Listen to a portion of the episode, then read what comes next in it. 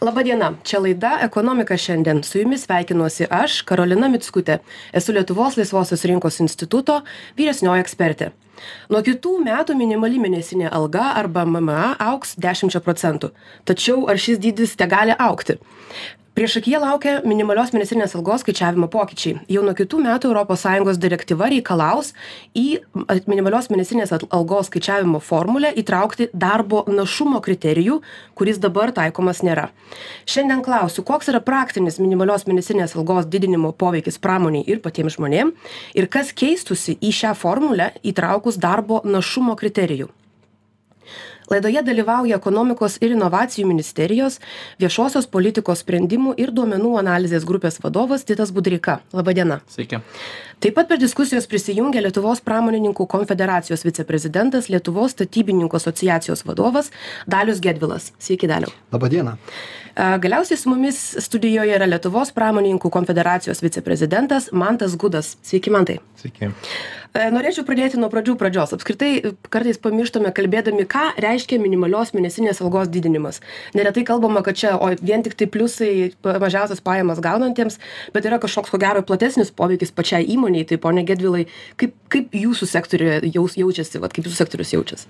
Norėčiau pradėti nuo gerų naujienų jūsų klausimą atsakyti, bet turbūt pasakysiu tiesą. Kai tiesa yra tokia, kad Lietuvos statybų sektoriuje šiandien turime dar pakankamai didelį šešėlį tai kalbant apie minimalią algą turbūt reikėtų pasakyti tiesiai kad lietuvos statybininkai vargu ar žino kiek ta minimali alga ir ar taiko minimalios algos skaičiavimo savo sutartyse su darbuotojais arba atsiskaitant už paslaugas tokios minimalios algos ko gero pas mus mažai kas taiko nes statybose lietuvoj vyrauja vienetiniai įkainiai tai yra už kvadratinį metrą už mhm. kubą ar panašiai vakarų šalyse skandinavijoj lietuvos statybininkam yra mokama pagal jų turimą e, kvalifikacinį arba kompetencijų lygį ir yra valandinis tarifinis atlygis lietuvoj mes šito neturime pakol kas dar yra nu tokia galiojanti sovietinė forma kai mokama už kvadratinį metrą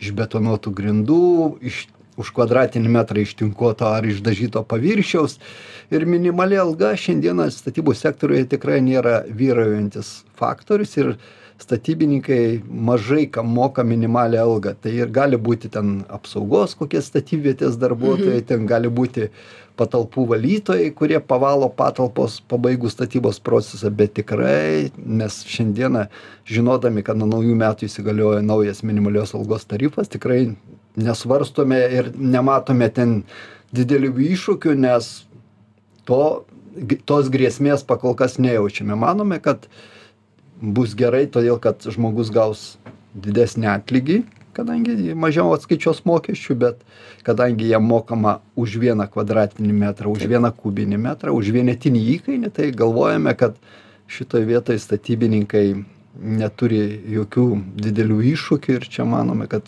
viskas normaliai. Nu, turite, manau, statybų sektorius kitų iššūkių, nebūtinai susijusius su minimalia mėnesinė alga, kaip mes žinom, tai apie tai kiek vėliau kalbinsiu. Pone Gudai, kaip Jūs vertinat? Nu, yra skirtumas, kad tas minimali alga kyla? Na, reikia suprasti, kad minimali alga, kuri yra nustatoma vyriausybės, e, ar ten po tam tikrų diskusijų, kartais be diskusijų, yra iš tikrųjų e, pakankamai galingas ekonomikos reguliavimo įrankis ir jisai yra sakyčiau tokie kaip degtukai. Iš vienos pusės galbūt atrodo ir nesvarbus kad čia pasikeitė kažkas ten penkiasdešim ar šimto eurų kas metus bet iš tikrųjų e, šitie degtukai gali sukelt ir tikrųjų daug bėdų. Jeigu ekonomikos našumas e, sparčiai atsilieka nuo e, keliamų reiškia minimalios algos tų grindų ir aišku rinkoje suformuojamų visų lūkesčių tai tada mes įsiveliam į tam tikras prielaidas susiformuoti infliacijai aukštai spiralei ir prarandam konkurencingumą kaip šalis. Tai šitie dalykai visada pramonininkus reiškia e, neramino ir visada pramonininkai šitą momentą norėjo e, atkreipt dėmesį ir labai džiaugiamės kad e, nuo kitų metų e, tas europos sąjungos direktyvos taikymas šita šitas normatyvas dėl produktyvumo yra įtrauktas kiek plačiau norėčiau, ponia Budreika, jūsų paklausti, tai koks poveikis dėl minimalios mėnesinės algos didinimo visiems asmenim? Čia mes aptarėme ekonomikai, kitiem veiksniam. Pavyzdžiui, žinau, kad auga ir privalomas sveikatos draudimo įmokos ir visa kita, tai tas kompleksinis poveikis, koks jisai jūsų požiūrį būtų. Taip, tai reikėtų pradėti nuo to, kad apskritai, e, vat, ką tyrimai rodo, kad minimalios algos didinimas lemia ne tik tų minimalios algos gavėjų pajamų augimą, bet ir kitų šiek tiek aukštesnės pajamas gaunančių asmenų pajamų augimą. Ir ką vat Lietuvoje atlikti tyrimai rodo, kad bent jau iki vieno vidutinio darbo užmokesčio, tai iki tam tikros ribos, jeigu didinama mama, tai atitinkamai persilėja per visą ekonomiką tas MMA poveikis. Ir tai, ką ir, ir pamonikai mini, kad iš tikrųjų uh, tai sudaro paskatas kitų atlyginimų augimui. Tai nėra savaime blogai bet reikia visąlaik nepamiršt to ir nu mūsų konkurencingumo aspekto ir darbo kaštų augimas neigiamai veikia neigiamai veikia konkurencingumą. A ir ekonomikai yra visąlaik labai svarbu dėl a tiek ar kapitalo išlaidos į kapitalą į investicijas kokį santykį sudarė ir kokią naudą gavom ir išlaidos į žmogiškuosius išteklius. Ir kaip mes branginam žmogiškuosius išteklius ir čia iš tikrųjų nu branginam dėl tų socialinių siekiamų tikslų tai e, įmonėm apsimoka galvoti apie didesnes investicijas į kapitalą ir gali būt kad tai bus nu neigiamas poveikis užimtumui. Tai Mhm. e, darbo kaštam augant e, yra paskata darbuotojus pakeisti nu įrenginiais robotais. Pavyzdžiui turim nežinau paprasčiausia imkim valytoją valytojas valo kažkokį plotą e, ir gal darbdavys šiuo metu jį samdo ir moka jam atlyginimą bet jeigu jo atlyginimas e, minimali alga padidėja iki tam tikro lygio gal darbdaviui apsimoka tą valytoją pakeisti nu įrenginiu ir ir ir taip spręsti sau kylančius uždavinius. Tai tas nu neigiamas poveikis užimtumui jis egzistuoja ir jo nereikėtų pamiršti. E, dar toks man klausimas tada kyla. Aš suprantu iš jūsų ką sakote kad kyla kvalifikuotiem darbuotojam tada kyla kaip ir na numanymas kad ir jiems turėtų kilti algos bet pone gudai o jeigu nėra iš ko? Va tiesiog nėra iš ko. Dirba grupė nekvalifikuotų darbuotojų jiem privaloma didinti minimalią mėnesinę algą arba išvis nebe nebegali išlaikyt tos darbo vietos. Bet kaip plačiau paveikia tarkim ekonomikos augimą arba naujų darbo vietų kūrimą na čia vėl reikia suprast kad yra labai kompleksinis e, vaizdas ir ekonomikoj net tas vidurkiais kalbėti galbūt yra patogu bet ne visada yra teisinga. Turim regionus e, turim mažesnės pridėtinės vertės sektorius turim labiau į paslaugas orientuotus sektorius. Įsivaizduokim kaimo parduotuvėlė arba ten kokia kavinė arba restoranas e, kur tikrai darbo užmokestis yra nu sudaro turbūt liūto dalį nes pas paslauginiuose versluose taip ir yra tai jeigu nebeišgali jeigu nėra ten tų klientų jeigu ten ta įmonė jau yra išspaudus iš savęs viską ten e, kur ten sugalėjo kažkur susiefektyvino ten atsisakė kažkokių ten nereikalingų dalykų ar sutaupė ar nusiderėjo su tiekėju na tai tada priimamas sprendimas yra na atsisveikint mažint darbo darbo a darbo visų reiškia a resursų apimtis kad tą ką titas ir minėjo kad reiškia yra priimamas sprendimas mažinti darbą ir didint bedarbių skaičių tai įdomu dar būtų ir pone gedvilai jūsų poziciją išgirsti. Girdėjome kad minimalios mėnesinės algos kėlimas nėra tas tiesioginis smūgis sakykim jūsų sektoriui bet aibė yra kitų pasiūlymų su mokesčių reforma. Tarp jų pavyzdžiui ir neapmokestinamo pajamų dydžio kėlimas. Ar čia iš išvis yra kokia koreliacija su darbo užmokesčio kėlimu ir statybų sektoriumi? Ir kokių vat iššūkių jums realių kyla tuomet iš tikrųjų statybininkų asociacija mes visą laiką pasisakėm kad minimali alga sutaptų su neapmokestinamu minimumu. Visą laiką jau daug metų mes teigiame kad darbo apmokestinimas tiesiogiai koreliuoja su nelegaliu darbu.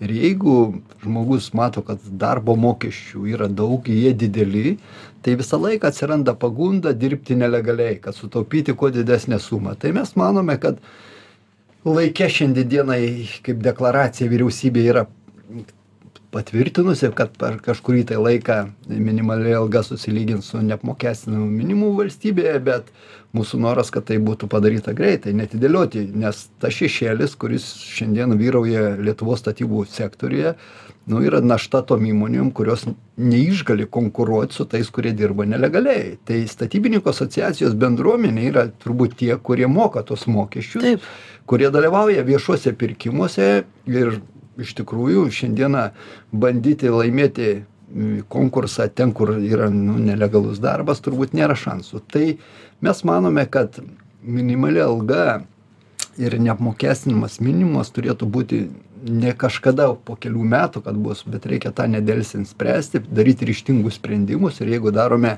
mokesčių reformą tai ko gero reikėjo išgirsti verslą ką mes sakome ir tada būtų labai teisinga nes nuvažiuokime į kitas valstybes į izraelį į suomiją į švediją pažiūrėkime koks ten yra tas sakysim minimalios algos ir neapmokestinamo minimumo klausimas. Tai mes manome kad šiandieną reikėtų galvoti apie tai kad minimali alga turėtų sutapt su neapmokestinamu minimumu o kadangi labai daug piliečių gyvena kaip sakome nuo algos iki iki algos.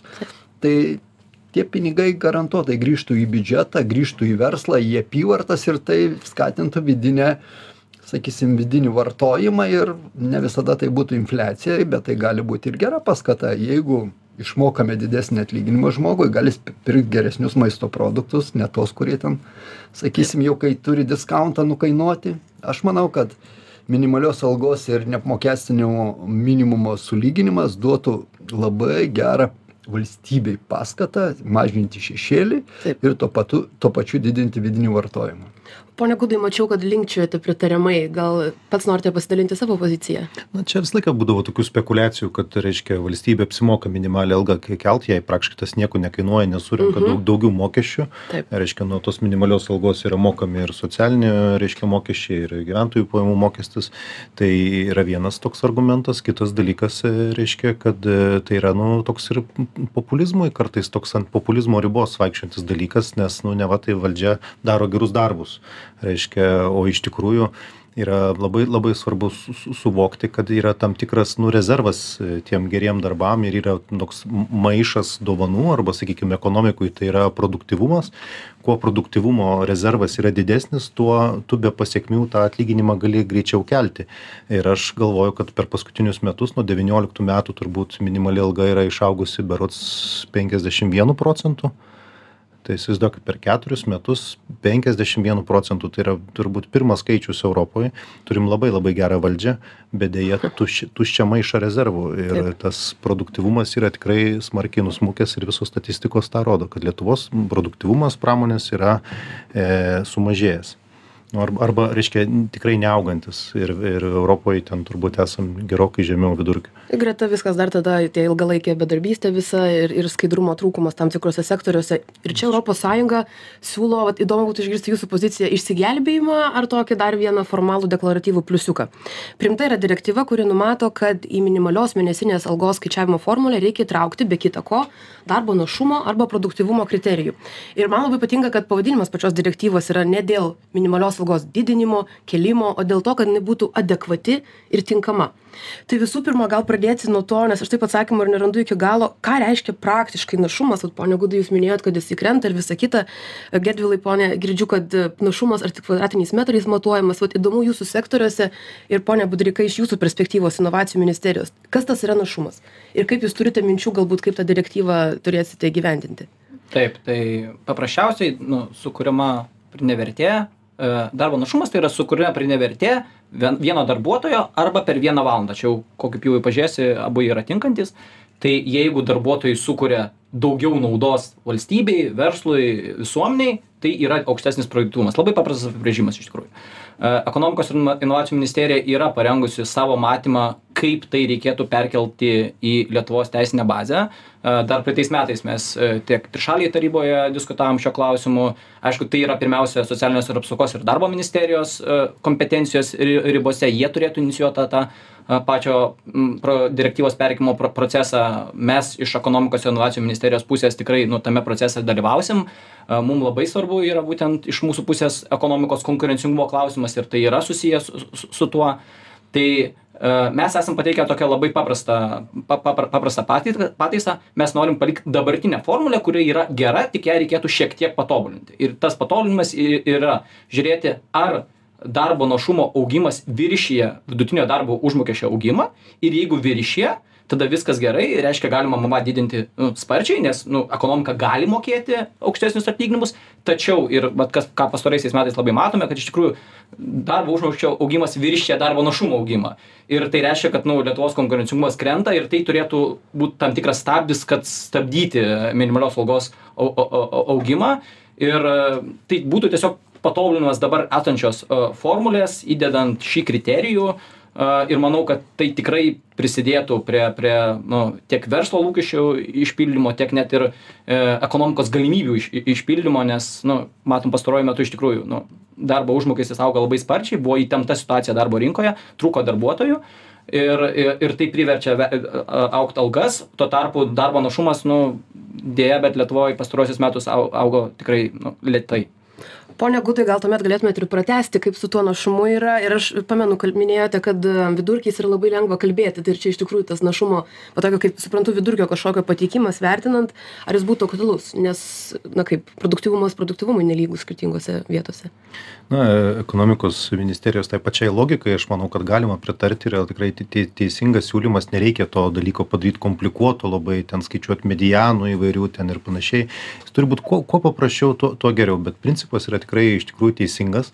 Tiktai čia turim tokį na kaip tokią įdomią labai situaciją. Vėlgi dėl to mano pačio minėto penkiasdešim vieno procento pas pastaraisiais keturi per keturis metus reiškia augimo mes turim labai aukštai susikėlę bazę mes turim labai aukštai susikėlę bazę ir visą šitą produktyvumo tą visą reiškia rezervą esam išsėmę jisai jau tiesiog šiandieną e, klientai užsieny ne, ne vienos įmonės eksportuojančios klausia sako kaip jūs tais dalykais tvarkysitės? Nes mes matom kad baltijos šalyse čia galbūt ir baltijos šalių e, šiek tiek e, ne tik lietuvos problema kaip jūs tvarkysitės? Nes ma matom jūsų infliaciją mes matom jūsų atlyginimų augimą per pastaruosius tris metus o produktyvumas taip neauga ar ar jūs čia dar konkurencingi ar mum jau reikėtų į rumuniją ar mum reikėtų jau dar kažkur toliau važiuot?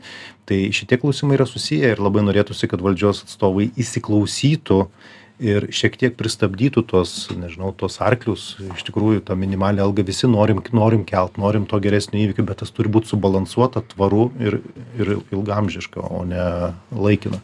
Nuo kadencijos iki kadencijos tai gal paprastesnis klausimas irgi tai kaip tą našumą skatinti nes yra tekę girdėti socialinėj erdvėje aišku tokių replikų gal ironiškų kad tai čia darbdavys turi investuoti. Mes girdim kad tas investavimas į kapitalą gali atsiliepti ir tiesiog darbo vietų panaikinimu nes čia ir yra optimizavimas Šitas, šitas klausimas man irgi primena, kai su, su, su antrankiais su, surakina, įmeta į vandenį, sako dabar tu plauk. Tai, žinai, mes tikrai turim problemą su kapitalo prieiga Lietuvoje, tikrai konkurencija yra nu, mažoka, bankai nelabai noriai skolina, ypač regionuose, kur yra problemos su užstatu, nenori, reiškia, pastatų, kurie yra kokie nors Varienos rajone, sako, na, čia nu, nelikvidus turtas, mes neduosim paskolų šitoje vietoje. Ir turim, turbūt regione esam vieninteliai likę be reinvestuojamo pelno reiškia ati atidėtos. Nežinau kaip pavadint lengvatos taisyklės.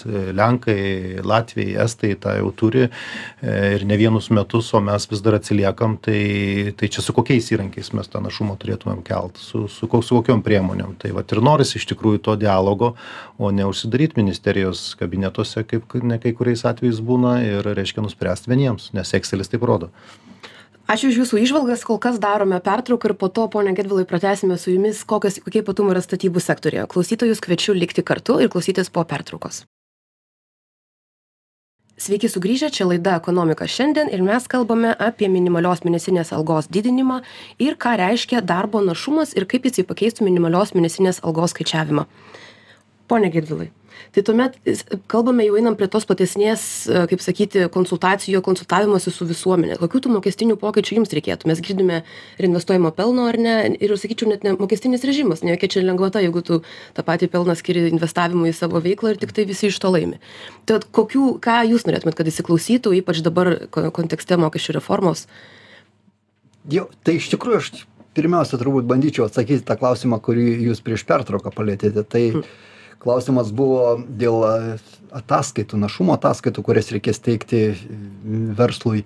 Šiandieną verslai žino kad nuo dvidešim ketvirtų metų ir tvarumo reikės ataskaitas įmonių tvarumo ataskaitas teikti ir praktiškai nuo dvidešim penktų šeštų metų turės ne tik didelės įmonės bet ir mažos įmonės. Tai tų ataskaitų daugėja tai mes manome kad reikalingas nuolatinis edukavimas būtent tų žmonių kurie tas ataskaitas ruoš kurie darys tai turėtų viešas sektorius pasirūpinti kad nebūtų atidėta tai paskutinei minutei. Bet dabar kalbant apie statybos sektorių ir kaip mes matome tų ataskaitų formavimą arba tuos rodiklius kažkada vienam dabar visai neseniai renginy aš paklausiau kas tikite kad šešėlis statybos sektoriuj mažėja? Tai iš ten dvidešim žmonių dvi rankos pakilo ir o viešasis sektorius deklaruoja kad šešėlis mažėja kad čia viskas gerai. Statybininkų bendruomenė kuri yra asociacija sako niekas nesikeičia. Kitas klausimas kada viešai va taip bičiulių draugų rate ten laisvalaikiai paklausia jie manęs iš kur gauti čia kokį statybininką gal gali ką parekomenduoti Taip, čia mes visi laukiame. jo visi nori savo ten būstą atnaujinti ar namus pagražinti ir tada aš sakau visi tie kurie dirba ir yra skelbiasi ten skelbiu lt ar kažkur kituose portaluose jie dažnu atveju dirba nelegaliai. Ir jeigu pažiūrėsime apie ataskaitas apie statistiką tai valstybėje paskutinį tiksliau pirmą ketvirtį pas mus buvo deklaruotas vidutinis atlygis valstybėje tūkstantis devyni šimtai penkiasdešim devyni kablelis devyni nulis euro. Ir kas įdomiausiai statybos sektoriuje deklaruota oficialioj statistikoj kai yra daugiau kaip du šimtai eurų mažesnis tai tada tam draugų rate kurie manęs klausia kur gauti tą statybininką jį aš sakau kad jie visi yra pigesni už kitų verslų atstovus tai niekas netiki vėl sakau pakelkite ranką kas tikite kad statyboje atlygis yra mažesnis už atlygį kurį gauna nu kiti sektoriai ten konditerija žemės ūkis ar dar kažkas. Niekas netiki tada kitas vėl klausimas. Prieš keturis turbūt metus doing business ataskaitų rodiklių skalėje žiūriu kad statybos leidimą gauti lietuvoj yra vienas iš greičiausių rodiklių kuris gerina investicinę aplinką mūsų šalyje. Tai klausimas ar mes tikime tuo rodikliu kad lietuvoj galima gauti sakysim statybos leidimą labai greitai? Niekas netiki. Tada klausimas dabar tos ataskaitas kurias mes pildysime kada mes turime didžiulį šešėlį statybos sektoriuje ar tie rodikliai atitiks realybę Taip. ar vėl mes būsime skaičiavimo sakysim kažkokie atradėjai kur hau rasime ir ten deklaruosime kad pas mus tas rodiklis kyla tai bėgimas nuo tiesos arba nesprendimas senų problemų aš manau ka jis kenkia ir valstybei tai mes daug metų statybininkų asociacija visą laiką minime ir jūsų laidose aš vis pakartoju kad kova su šešėliu tai neturėtų būt vien statybininkų asociacijos duona Taip. kad mes siūlome įvairius sprendimus ir tie sprendimai leistų tas būtent našumo ataskaitas padaryti tikras ir matytumėm tikrą dinamiką kaip keičiasi sta- statybos sektoriaus našumas mūsų valstybėje bet jeigu neišspręsime šalutinių tų problemų kurios yra tai mes matysime daug iškreiptų skaičių matysime netikrą situaciją ekonomikoj ir pagal remdamiesi netikrais duomenimis priimsime politinius sprendimus koreguojant minimalią algą apmokestinant mūsų piliečius investicinę aplinką bloginant taip toliau. Esminis dalykas yra kiek įmanoma išeliminuoti visus veiksnius kurie įtakoja tikrąją statistiką. Tai aš manau kad statybos sektorius jeigu reikės deklaruos tas skaičius bet ar galėsime tais skaičiais pasitikėt man kyla abejonės Labai gražus ir finalizuojantis klausimas tuomet, tai iš tikrųjų, jeigu direktyva siūlo įvesti kuo daugiau kriterijų, kuriuos būtų galim pamatuoti, o mes matom, kad, pavyzdžiui, šešėlį iš viso nepamatuosi, jis, nu, yra ir nėra. Tai kaip manote, ponia Budreikai ir Gudai, čia jau, kuris norėtumėt, uh, tai ar, ar geriau palikti tokį vat, politinį sprendimą, kad minimali mėnesinė alga yra va šitai politikuojama, ar vis dėlto pasitikėti tą tokią statistiką? Pone Budreika, prašau. Taip, tai aš vis dėlto raginčiau statistiką pasitikėti. Tos problemos, ką kalba statybininkai, egzistuoja visos ES šalyse iki skirtingo masto. Visur statistika nėra ideali. Nu, yra tų apribojimų, kurių tiesiog neišvengsim. Reikia priimti tokią realybę, bet tai ji vis tiek kažką rodo. Ir aiškių kriterijų įdėjimas leidžia depolitizuoti visą procesą. Labai aiškiai galima iš anksto pasiskaičiuoti, kokia bus minimali alga. Verslui tai yra aiškumas žiūrint į ateitį, verslas gali planuoti pokyčius. E, į- Netgi kuo ilgesnis laikotarpis, kai verslas žino, kokia bus minimali alga, tuo jam leidžia lengviau, lengviau susidėlioti savo, savo išlaidas. Tai mes labai ragintume iš tikrųjų likti prie, prie formulės, ją reikia tobulinti, ją reikia tikrai geresnę padaryti, darbo našumo kriterijų įdėjimas tai tikrai e, padarytų. A, ir ir nu, vis dėlto remiamės faktais, o ne, ne, ne, ne nuomonėm.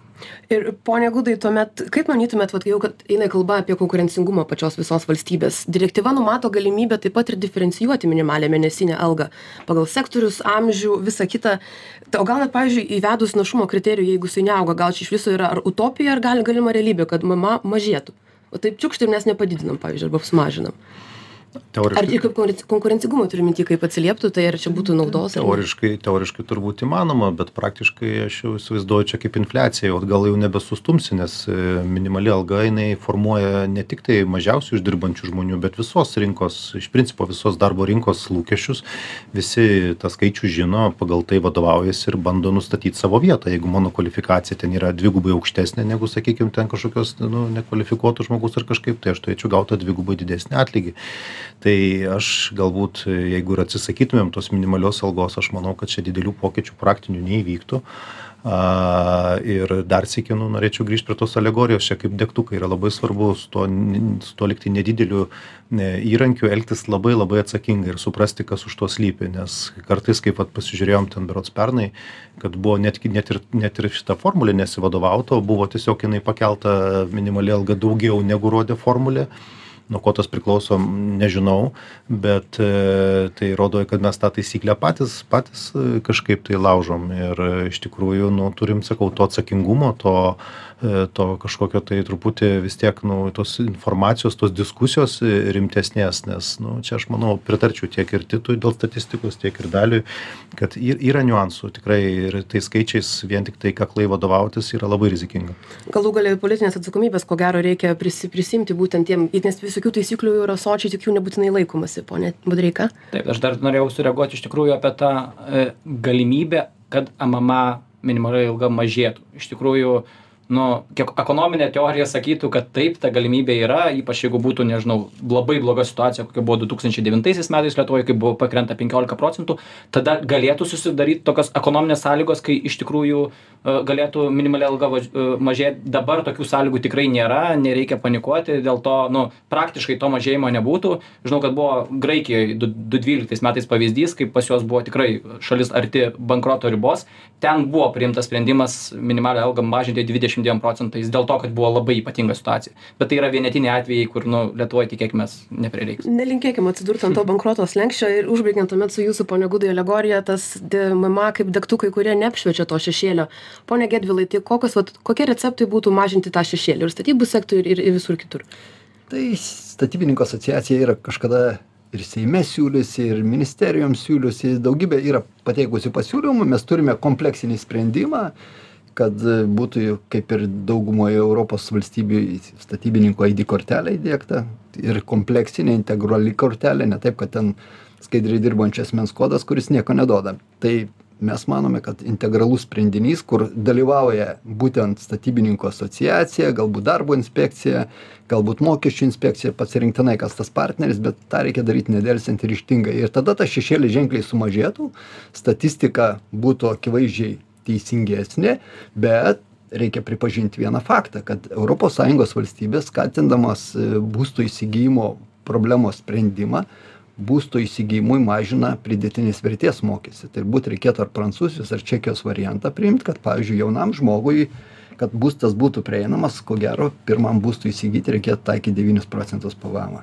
Nes jeigu šešėlį sumažinsim, pasakykime tiesą, kad nedaug, bet vis dėlto statybos kaštai pabranks tam žmogui, kuris įsigyja būstą. Tai manau, kad ta tiesa, kad ir kokia jin karti, bet jin turi savo sprendinius. Reikėtų turbūt daryti tą, ką jau daro kitos ES valstybės.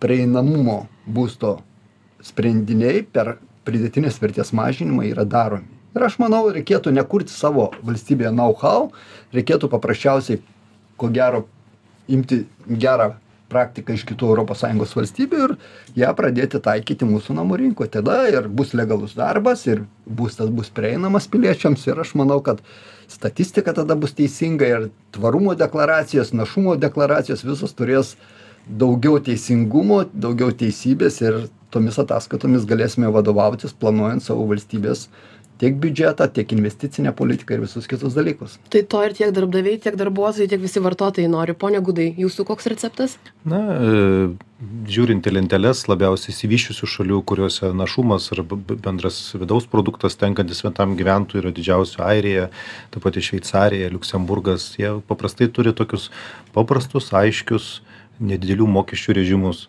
dėl to paties nekilnojamo turto mokesčio kurį diskutuojam tai toj pačioj šveicarijoj ten pavyzdžiui žinau pavyzdį e, buto kuris yra ženevoj pusantro milijono šveicarijos frankų vertės savininkas e, moka penkis tūkstančius frankų per metus nekilnojamo turto mokesčių.